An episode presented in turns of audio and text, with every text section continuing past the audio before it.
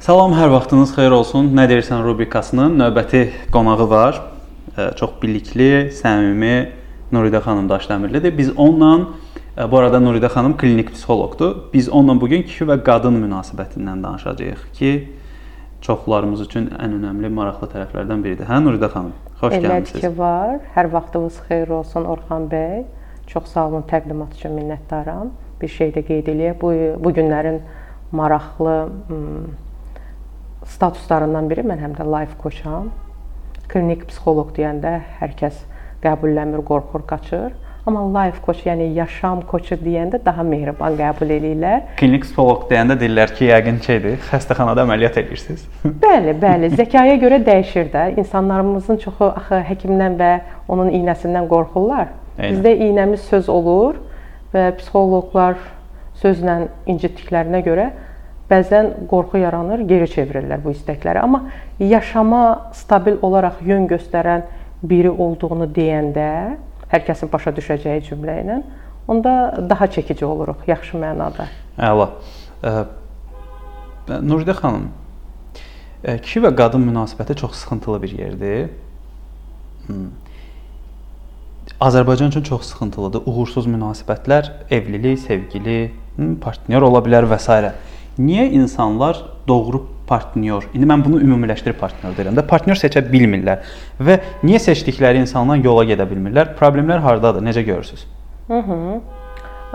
Birinci növbədə onun altını çizərək qeyd etmək istəyirəm ki, mənim üçün münasibət deyiləndə əgər söhbət partnyor seçməkdən, həyat yoldaşı, sevgili və yaxud da kimsə seçməkdən gedirsə, kişi və qadından o qədər də dolğun olaraq söz gedə bilməz. Mən digər cinsi e, ehtiyacı olanlara da normal şəkildə münasibətimi bildirirəm. Çünki yəni, onların LGBT da nümayəndələri də, hə? Ə, bəli, LGBT sözünü qəbulləmirəm, çünki onların fəaliyyəti ilə qoyulan adın arasında çoxmənalı şəkildə problemlər var. Bunun da aydınlığını gətirmək uzun zaman alacaq. Məncə vaxt itkisidir, bəlkə başqa vaxtı. Bununla bağlı da bir mövzumuz olacaq bizim. Böyük məmnuniyyətlə Hı -hı. fikirlərimizi e, müzakirə eləyərik. müzakirə eləyərik, münaqişə də eləyə bilərik, mübahisə də eləyə bilərik. Nəticə olaraq əminəm ki, ulduzlarımız barışacaq. Yəni digər öz cinsi istəklərini fərqli formada göstərən insanların da münasibətini daxil eləyə bilərik ki, hal-hazırki dövrdə onlarda daha yaxşı alınır. Nəinki ideoloji tərəfdən, yəni dini tərəfdən lazım belə deyək də, yəni qaydası qoyulmuş qadınla kişi münasibət qurmalıdır nidası ilə bitən cümlə alınmır. Yəni qadın kişi münasibətlərində daha çox problem var, nəinki eyni iki cinslinin münasibətinin. Bəlkə də bu fikirlər biraz insanların beynində 11-ci sinifin bitişində zəng çalınırdı. Onun kimi bir ab-hava yarada bilər. Çünki ərədə bir travma var da ki, nəyi oyatdı. Amma ümumi gündəm budur qəbul eləsələr də, eləməsələr də həyat bunun üstündə gedir. Hı -hı. Hı -hı. Yəni e, demək istəyirsiniz ki, eyni cinsli insanlar daha yaxşı münasibət qura bilirlər? Ə, demək istəyirəm deməzdim. Sadəcə olaraq gördüklərimdən, bildiklərimdən və təcrübəmdən bunu çıxardıram. Çünki onların əksəriyyəti ə, həyatı aşmış insanlardır və öz cinsəl tərcihlərinin nə olduğunu bilib bu həyata qədəm qoyurlar ki, hətta o leveldadılar ki, bunlar əks cinslə deyil, öz cinslərinin nümayəndəsi ilə həyata başlasalar, bunlar üçün daha uğurlu olacaq, nəinki əks cinslə. Bəs bunun doğruluğu və yaxud yanlışlığı?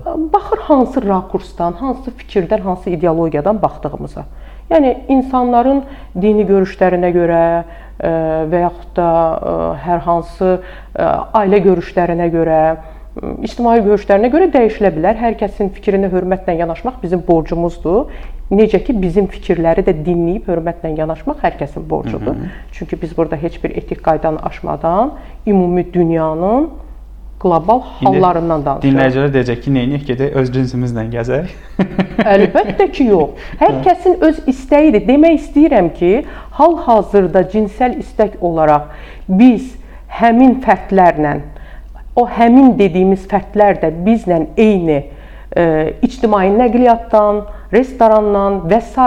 yerlərdən istifadə eləyirsə, ən azından eyni dam altında, eyni ağac altında biz yaşayırıqsa və yaxud da oksigen alırıqsa, onların haqqları da bizim haqqlarımız da, cinsəl istəklərimiz də bərabərdir, hətta aşağıdır, yuxarıdır. Hər kəsin öz istəyinə uyğun buraxmaq Hı -hı. lazımdır məncə.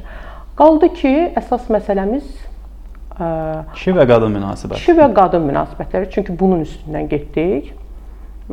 Yəni dünyanın davam eləməsi üçün lazım olan prinsip kişi və qadın münasibətidir. Çünki dünya davam eləməyi üçün birinci növbədə nəsil davam eləməlidir.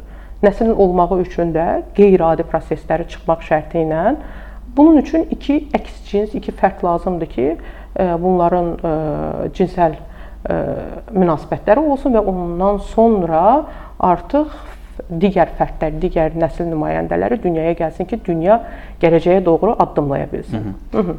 Bu artıq ə, e, olması gərəkən, yəni altı çizilib, ə, e, nidası qoyulan bir faktordur. Amma keçək cinsəl istəklərə, insanların bir-birini doğru düzgün tapmağına, bizim keçmiş söhbətlərimizdə də qeyd elədiyim kimi, Azərbaycanda %90 bəylər xanımları seçir. Özlərinə həyat yoldaşı eləyirlər və yaxud da xanım eləyirlər, övladlarına ana eləyirlər və yaxud da ailələrinə kimsə eləyirlər. Tərcih kişilərin üstündən olduğuna görə mən hər zaman onu qeyd eləməyi özümə borc bilirəm ki, öz şəxsi təcrübəmə dayanaraq, indi şəxsi təcrübə deyəndə sizin bu gözəl fikirləriniz var, hər kəsin dilindən səsləndirirsiniz ki, şəxsi təcrübə deyəndə nəyi nəzərdə tutursunuz? Bu qədər kişi, yəni uzun müddət kişilərlə bərabər işləmişəm elə bir sahə olubdu ki, %95-i bəylər olubdu və davamlı olaraq mən onların istəkləri ilə maraqlanmışam, onların şəxsi həyatına, çünki işə yansıyırdı onların şəxsi həyatı və mən məcbur qalırdım ki, evdə nə baş veribdisə, onu bilim ki, ona kömək edim ki, mənim işim doğru düzgün getsin. Mənə final lazımdır. Və mən onlara ə, ilk məsləhətim və yaxud da ki, sonradan artıq bunu məsləhət kimi yox, e, qayda olaraq, qanun olaraq deyirəm ki, 30 yaşına qədər, yəni aşağısı yuxarısı ola bilər, 31 ola bilər, 32 ola bilər, 29 ola bilər və yaxud da yuxarı. 30 yaşına qədər xahiş edirəm bəylər, tərcih eləməyin. Sırf evliliklə bağlı, yəni ciddi münasibətlə bağlı tərcih eləməyin.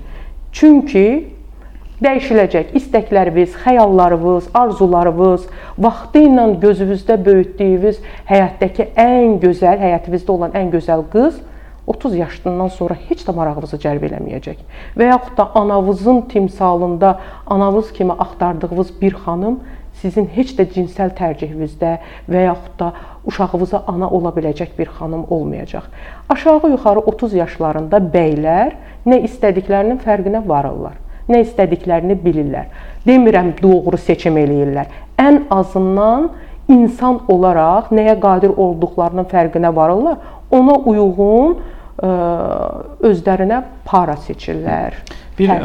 bir məsələni deyim. Burada misal üçün yaş mütləqdirmi 30 olsun? Yəni bir insan 25 yaşda da 30 yaşında ola biləcək bir düşüncəyə sahib ola bilərmi və ya adam 35-dədir, hələ də 15 yaşındakı düşüncədədir. Sözsüz, şəksiz, şübhəsiz belədir. Atalarımızın gözəl bir misalı var. Ağıl yaşda deyil, başdadır. Amma istisnalar var da. Ümumi Azərbaycandan gedirsə söhbət, statistik göstəricilər bunu göstərir biz kütləvilikdən danışırıq. Bəli, bəli, biz kütləvilikdən danışırıq. Çünki biz xoşlayırıq ə, xalqın axarına qoşulub getməyi, ə, ataların misalı ilə həyatımızı davam elətdirməyi e, ki, oradan bir özümüzə uyğun hissəni götürürük və onu əlimizdə bayraq eləyirik. Düzgün olsa da bizim həyatımıza düzgün olmasa da. Amma statistik göstəricilərdə ki və uzun müddətli mən bunu izləyirəm, bəylər 30 yaş üstü daha düzgün qərar verirlər və tanıdıqlarımın, gördüklərimin, bildiklərimin arasında 30 yaş üstü ailə həyatı, münasibət quranların böyük əksəriyyətində daha uğurlu həyat var. Nəinki daha aşağıda, Aşağı. daha yaş aşağısında münasibət quranlar. Bir məsələ var burada. İndi o cinsi məsələdən danışdınız.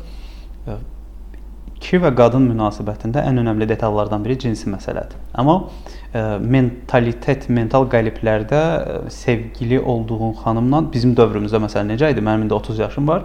Bizim dövrümüzdə hətta əlindən tutmaq belə sevginin göstəricisi idi. Hətta belə ayıb sayılırdı. Sonra biraz dəyişdi, sonra biraz dəyişdi.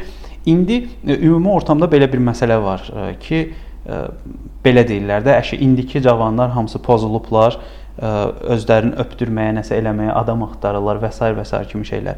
Bu feromonların, qoxuların üst-üstə düşməsi, kinestetik toxunma, kişi və qadın bir-birinə toxunması, işin cinsi tərəfi və s. və s. kimi münasibətlərdə önəmlidir. Amma Azərbaycan mental qəlbinə görə sən sevgili dediyin adamla heç zaman cinsi münasibətdə ola bilmərsən. Əgər Hı -hı. belə bir şey eləyirsənsə, qadın burada yüksək ehtimalla əxlaqsız sayılır. Zaten o sevgili deyil, Hı -hı. fırlandığın biri sayılır kişilər üçün, Hı -hı. böyük kütlə üçün. Kişi də bunu davamlı eləyirsə, halalda onun təcrübəsi var. Bir növ belədir də, elə bil gəzlidiyin, birlikdə olduğun, yatdığın bir xanım kütləvi olaraq fahişə obrazındadır. Hı -hı. Amma evləndiyin qadın isə heç kimlə münasibət qura bilməz, heç nəyi bilməməlidir. Onun yataqda olan hərəkətləri və s. və s. kimi şey bir qavrayış var. Kütləvi olaraq belədir. Bu sizcə doğru bir şeydirmi? Yoxsa bu məsələ yanlışdırmı və ümumiyyətlə bu kişi və qadın münasibətinin əsas problemi burdan da yarana bilərmi? O qədər çox şaxəli e, bir sualdır ki, və yaxud da ona veriləcək çox şaxəli cavab var ki, yəni mənim üçün doğru yanlış prinsipi təmiz başqadır. Ümumi mentalitetlə götürsək təmiz başqadır. Yəni mentalitet deyilən bir şeyi bu gün sual mənə ünvanlanırsa qətiyyətlə qəbul eləmirəm. Əgər orada seçimlər bir adam tərəfindən təsdiq olunursa, digərinin istəkləri nəzərdə tutulmursa, bu mentalitet deyil.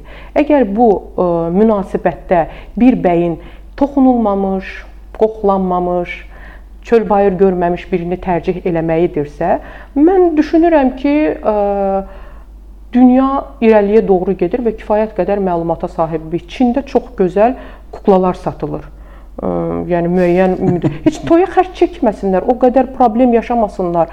Pulunu yığsın, həmin kuklalardan tərcih eləsin. Onun istədiyi havanı çalacaq, onun istədiyi e, nəvazişi verəcək. Günlərlə danışmayacaq və s. və iraxır. Çox da rasxod eləməz, azmaz evə yemək alar və yaxud da ki, azmaz e, evə təmizlik üçün kimlərisə gətirər, az e, vaxt sərf eləyər. Çox e, belə deyək də həyatını mutlu, məsud davam elətdirər onun tərəfindən. Amma söhbət sağlam münasibətdən gedirsə əgər mental dəyərləri də qoyduq bir qırağa. Daha doğrusu mentalitet deyilən dırnaqarası fikri qoyduq bir qırağa.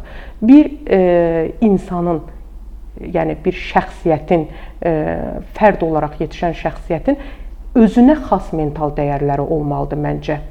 E, bu təkcə münasibətdə deyil, ailədə də öz istəklərini bildirməyi bacarmalıdır. Əlbəttə ki, 14-15 yaşındakı gəncdən getmir söhbət.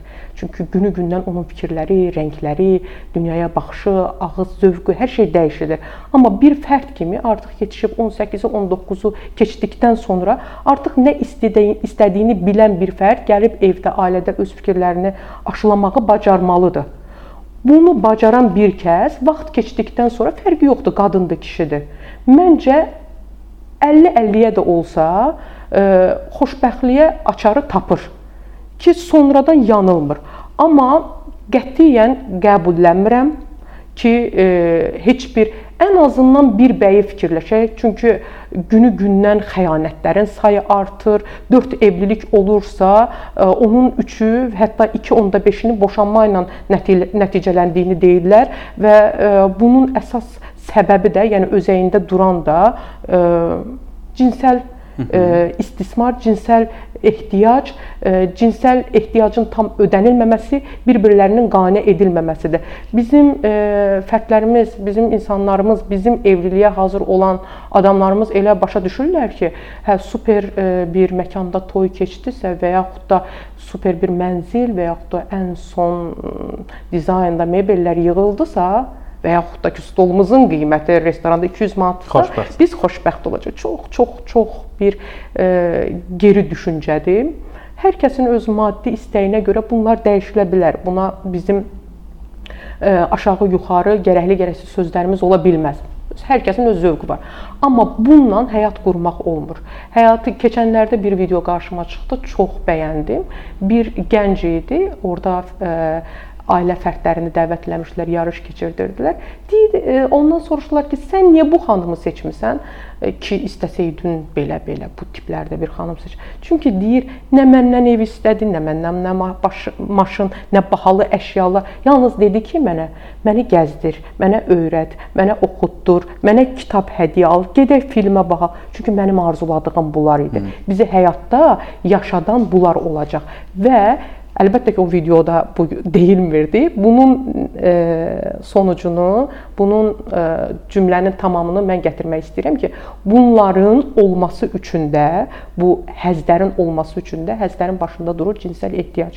Əgər cinsəl ehtiyacın tam ödənilmirsə, bir fərd olaraq bir-birinizi qane eləmirsinizsə, ən azından siz dünyaya məqsədli olaraq fikriniz uşaq dünyaya gətirməkdirsə, sağlam uşaq gətirməyəcəksiniz. Gətirsəz belə ona sağlam, düzgün tərbiyə verə bilməyəcəksiniz. Uşaq davamlı olaraq travmalarla böyüyəcək. Çünki cinsəl ehtiyacını ödəyə bilməyən bəy davamlı olaraq küçələrdə olacaq, başqa qapılarda, başqa ünvanlarda ailəyə və övlada xərcləmək istədiyi vaxtı burada itirəcək. Qadının kişidən ala bilmədiyi zövq uşaqlara qarşı olacaq əziyyət və şiddət burada hansı mutluluqdan söz gedə bilər? Heç nə. Hə.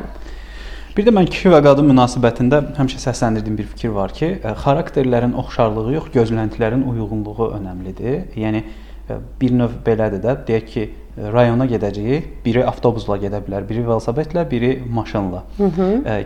Gedilən yer gözlənti eynidir. Filan rayona gedirik, amma hərə bir vasitədən istifadə Hı -hı. edir. Ona görə ki, münasibətlərdə fərqli xarakterlər var, amma eyni gözləntilər olduğu zaman bu uzun müddətli olur deyə düşünürəm. Bir də belə bir məsələ var. Bərabər deyib gülə biləcəyin e, adamlar olduğu zaman nəticə daha yaxşı olur. Yəni sən onunla gülməlisən, çılğınlıqlar eləməlisən, kitab oxumalısan, inkişaf eləməlisən. Gözlənti budur. E, kişi və qadın münasibətində mənim üçün Qadın yemək bişirəcək, evi qabı yuyacaq, evi siləcək, kişi də pul qazanıb gətirəcək qədər sadə bir şey deyil. Çünki biz buna həyat yoldaşı deyirik də, həyatımızın yoldaşı olacaq adam belə primitiv şeyləri eləməməlidir. Yəni gərəkən zaman qadın yeməyi bişirə bilmədiyi halda bunu bəy eləyə bilər, bəy eləyə bilmədiyi halda qadın bunu eləyə bilər. Bir növ bir balansı qoruyub saxlamaq məsələsi.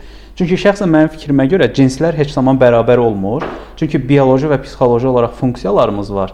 Bu funksiyaların zəif və güclü tərəfləri var. Münasibətdə bu zəif və güclü tərəflər balanslı bir-birini tamamladığı zaman nəticə istədiyimiz kimi ortaya çıxa bilər. Məsələn, qadınların dünyaya uşaq gətirmə funksiyaları olduğuna görə onlar daha empatik olurlar kişilərə nisbətdə. Kişilər isə təkamül zamanı ovçu və toplayıcı funksiyasını elədiyinə görə onların o iş prosesində fəaliyyətləri daha yaxşıdır. Bu ikisinin balansını qoruyub saxlaya bilən münasibətlər uzun ömürlü olur deyə düşünürəm mental qəliblərə sığınan və aşırı şəkildə türklər demiş mental qəliblərlə dolu olan münasibətlərdə həmişə böyük-böyük sıxıntılar olur və heç bir nəticə əldə edə bilmirsən. Qəribədir. Azərbaycanda sizcə insanlar insanların ən böyük çatışmazlığı cinsi həyat ola bilər? Yəni bir yanıqlıq problemi var. Bu ifadə əgər doğrudursa, Çox ifadə ilə özümüzü bildirə bilərik, çünki hər kəsin e, buna dair bir fikri var. Yanıq da deyirlər, e, istəksiz də deyirlər, sevgisini tapa bilməyən də deyirlər, mənim adamım deyil də deyirlər. Hər kəsin öz fikrinə görədir. E, çox böyük dərdimiz bu deyil. 70 100 üstündən 70% dərdimiz budur. 100 üstündən 99% problemimiz bizim elmsiz olmağımızdır. Nə mənada? Vacib deyil məktəbdə oxuduğumuz kimya, fizika. Yəni maariflənmək cəhətdən çox zəifik. Araşdırmağı, öyrənməyi, yeniliklərə açıq olmağı bacarmırıq. Budur bizim çatışmamazlığımız.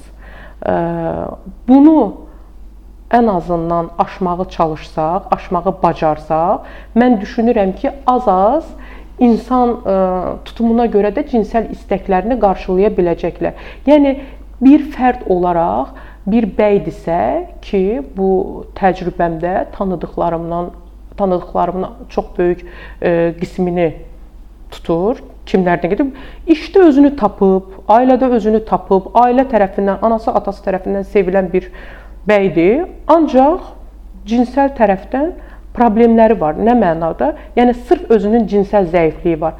Amma hansısa bir mental dəyərlərə əsaslanıb o həkimə getməyi özünə sığışdırmır. Yəni həkimə ürəyin ağrıyıb gedirsənsə və yaxud da burnunda problem varsa gedib estetik əməliyyat elətdirirsənsə, orqanda, cinsəl orqanda sənin bir hissəndir. Ona da baxmaq, ona da qulluq eləmək, onun funksiyalarını da bilmək sənin borcundur. Çünki həyat bunun üstündə qurulubdur. O simmetriya olmayanda nə siz, nə mən, nə başqaları, nə də o dediyimiz problemli şəxslər ola bilərdi.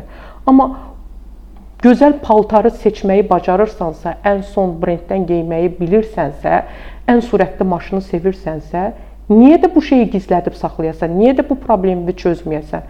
Budur. Yəni maariflənmək bunu nəzərdə tuturam. İnsan özünü tanımalıdır, sevməlidir, bilməlidir nəyə qadir olduğunu. Yəni özünü tanıya bilməyən insanlarla münasibət quranda o lap da şəxsiyyətlərini darmadağın eləyirlər. Eynən, yəni ən böyük problemimiz cinsəl problem deyil. Ən böyük problemimiz yenilikləri, araşdırmanı, öyrənməyi qəbul eləməməyimizdir. Bir e, yerdə dayanmadan yaşamaq. E, o belə bir e, təlim var idi, iştirak eləmişdim. O zaman o qədər də fərqinə varmamışdım. Orda ilk istifadə olunan nə idi? Komfort. İnsan komfort alanını aşmalıdır. Mən öz-özümə deyirdim ki, niyə görə? Çünki insan bir yerdə komfortludursa, niyə oranı aşsın? Amma beyin elə deyil. Beyin davamlı olaraq hərəkətdə olmalıdır. Bir gün dağdasansa, bir gün çayda. Bir gün düz asfaltda yerirsənsə, sonra çala çöpür deyirlər də yoldan. Davamlı olaraq beyin komfort zonasında olursa, əziyyət çəkmirsə, kütləşməyə başlayır. Zövqləri ayırd eləyə bilmir. Dadların nə olduğunu bir yerdə oturursan, soruşursan ki, nə yeyirsən? Deyir, daşdan yumşaq nə varsa yeyərəm. Elə bir şey yoxdur. İnsanın istəkləri olmalıdır, insanın zövqləri Tanımalıdır olmalıdır. Onu ki, bəli, nə? bəli. Ki hər şey bunun üstündən gəlir. Ən azından bir insan kimi öz istəklərini ailəyə, anaya, ataya, daha sonra müəlliməyə, daha sonra öz dostlarına bildirə bilirsə ki, sual verilirsə ki, bu gün hansı restorana gedək, fərq eləməz sözünü Mən deyirəm ki, heç kəs istifadə eləməsin. Necə yəni fərq eləməz? Sənin də bir seçimin olmalıdır. Sən bilməlisən ki, bu gün türk türk türk mətbəxini istəyirsən, yoxsa Avropa mətbəxini istəyirsən? Hı. Məncə bunları etap-etap artıq keçdikdən sonra zaman yaxınlaşanda ki, artıq sən qovuşmalısan öz e, həyatının arkadaşını tapmalısan, artıq onda düzgün arkadaşı tapacaqsan ki, sizin dediyiniz nöqtəyə gələcəm ki, nəticə etibarilə eyni yerə getmək istəyə bilərsiniz. Yəni xarakter olaraq eyni ola bilərsiniz, amma istəkləriniz eyni olmaya bilər. Gözəl, o kimyada da, fizikada da var ki, mənfi neyron həmişə müsbət neyronu çəkir. Eyni xarakterdə olan insanlar zaten çox gedə bilməzlər. Çünki zövqlər də üst-üstə düşür və yaxud da istəklər də üst-üstə düşür, amma başlayacaq çəkişmələr. Ən azından qarşındakı insan hər zaman ə, yaxınımda olan, münasibətdə olan insanlara tövsiyələrimdən biridir ki, bir-birinizin nöqtəsini qoya biləcək, cümlənizi tamamlaya biləcək, yeri gələndə sualın arxasına hətta nidasını qoya biləcək adamla olun ki, sonrakı yeni abzası başlaya biləsiniz. Məncə Qəşəng. bu bəli, bəli. Bunlar olanda artıq seçiminin nə olduğunu bilirsən və sən rahatca öz cinsəl istəklərini də öz paranla bölüşə bilirsən və heç bir çəkişmələr olmur. Təbii ki də tibbi proseslər baş verə bilər, istisnalar var. Maşallah həkimlər doludur. Bu dəqiqə hər yerə çıxışımız var. Bunların da aşağı-yuxarı öz problemlərinin həlli çarəsi var. Amma sırf ruhi cəhətdən sən kasıbsansa, sən nə istədiyini dilə gətirə bilmirsənsə, ki sizlə də əvvəlki görüşümüzdə nəyi müzakirə eləmişdik ki, e, axı mən öz xanımıma bu şeyləri deyə bilmərəm, eləsin. Niyə də deyə bilməyəsən? Əksinə ona deməlisən, sənin bədənini, sənin hisslərini o bilməlidir, tanımalıdır. Həmçinin sən də qadını bu hiss eləməlisən, onun istəklərini çatdırmalısan ki, qəribədir, hə? Kişi və qadın münasibətində bizə ən özəl olan şeyləri ən yaxınımıza yox, ən ən yad adamlara deyirik. Ruh kasıblığı buna deyirlər. Nə istədiyini tapa bilməmək də buna deyirlər. Mən ona görə deyirəm ki, ən azından 1 yaş 33 il bir qərinə deyirlər də. Bu qərinəyə yaxınlaş, aşağı-yuxarı artıq sənin inkişafın oradan o tərəfə getməyəcək. Beynin də nədirsə odur ki, artıq biləcəksən sən nəsənsə.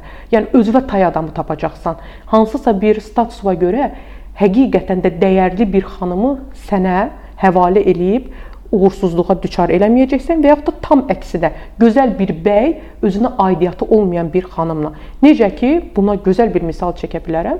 Tanışlarından var idi bir nəfər. Oğlan bitirib gəlib Oxfordu.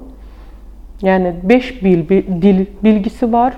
Yəni mənəviyyatı, insanlığı, görünüşü hər bir xanım tərəfindən arzu olunan bir bəydir. Amma çox xırda, amma çox böyüdüləcək bir nüans oldu. İlk tərcihi nə oldu? Ailəsinə dedi ki, mənə çöl bayır görməmiş ev qızı tapın. Və nəticə etibarı ilə də 34 yaşlı oğlanı 18 yaşında ev qızı tapdılar. Bu bəyin axı bir e, statistikası var. Yəni ətrafı var, cəmiyyəti var oluşduğu, getdiyi, oturduğu, yediyi, içdiyi, rəsmi tərəfi, bədii tərəfi. Başladı həmin xanımı onlarla görüşdürməyə. Və uyğunsuzluq. O qədər uyğunsuzluqlar işə üzə çıxdı ki, və bədbəxtçilikmi deyim, xoşbəxtçilikmi deyim, evdə lövhə alıb, bizim bildiyimiz daska alıb, oğlan qıza ədəb-ərkan qaydalarını başa salırdı. Dəhşətli bir şeydir. Məncə də. Nəyə lazımdır özünə bu zülmü verəsən?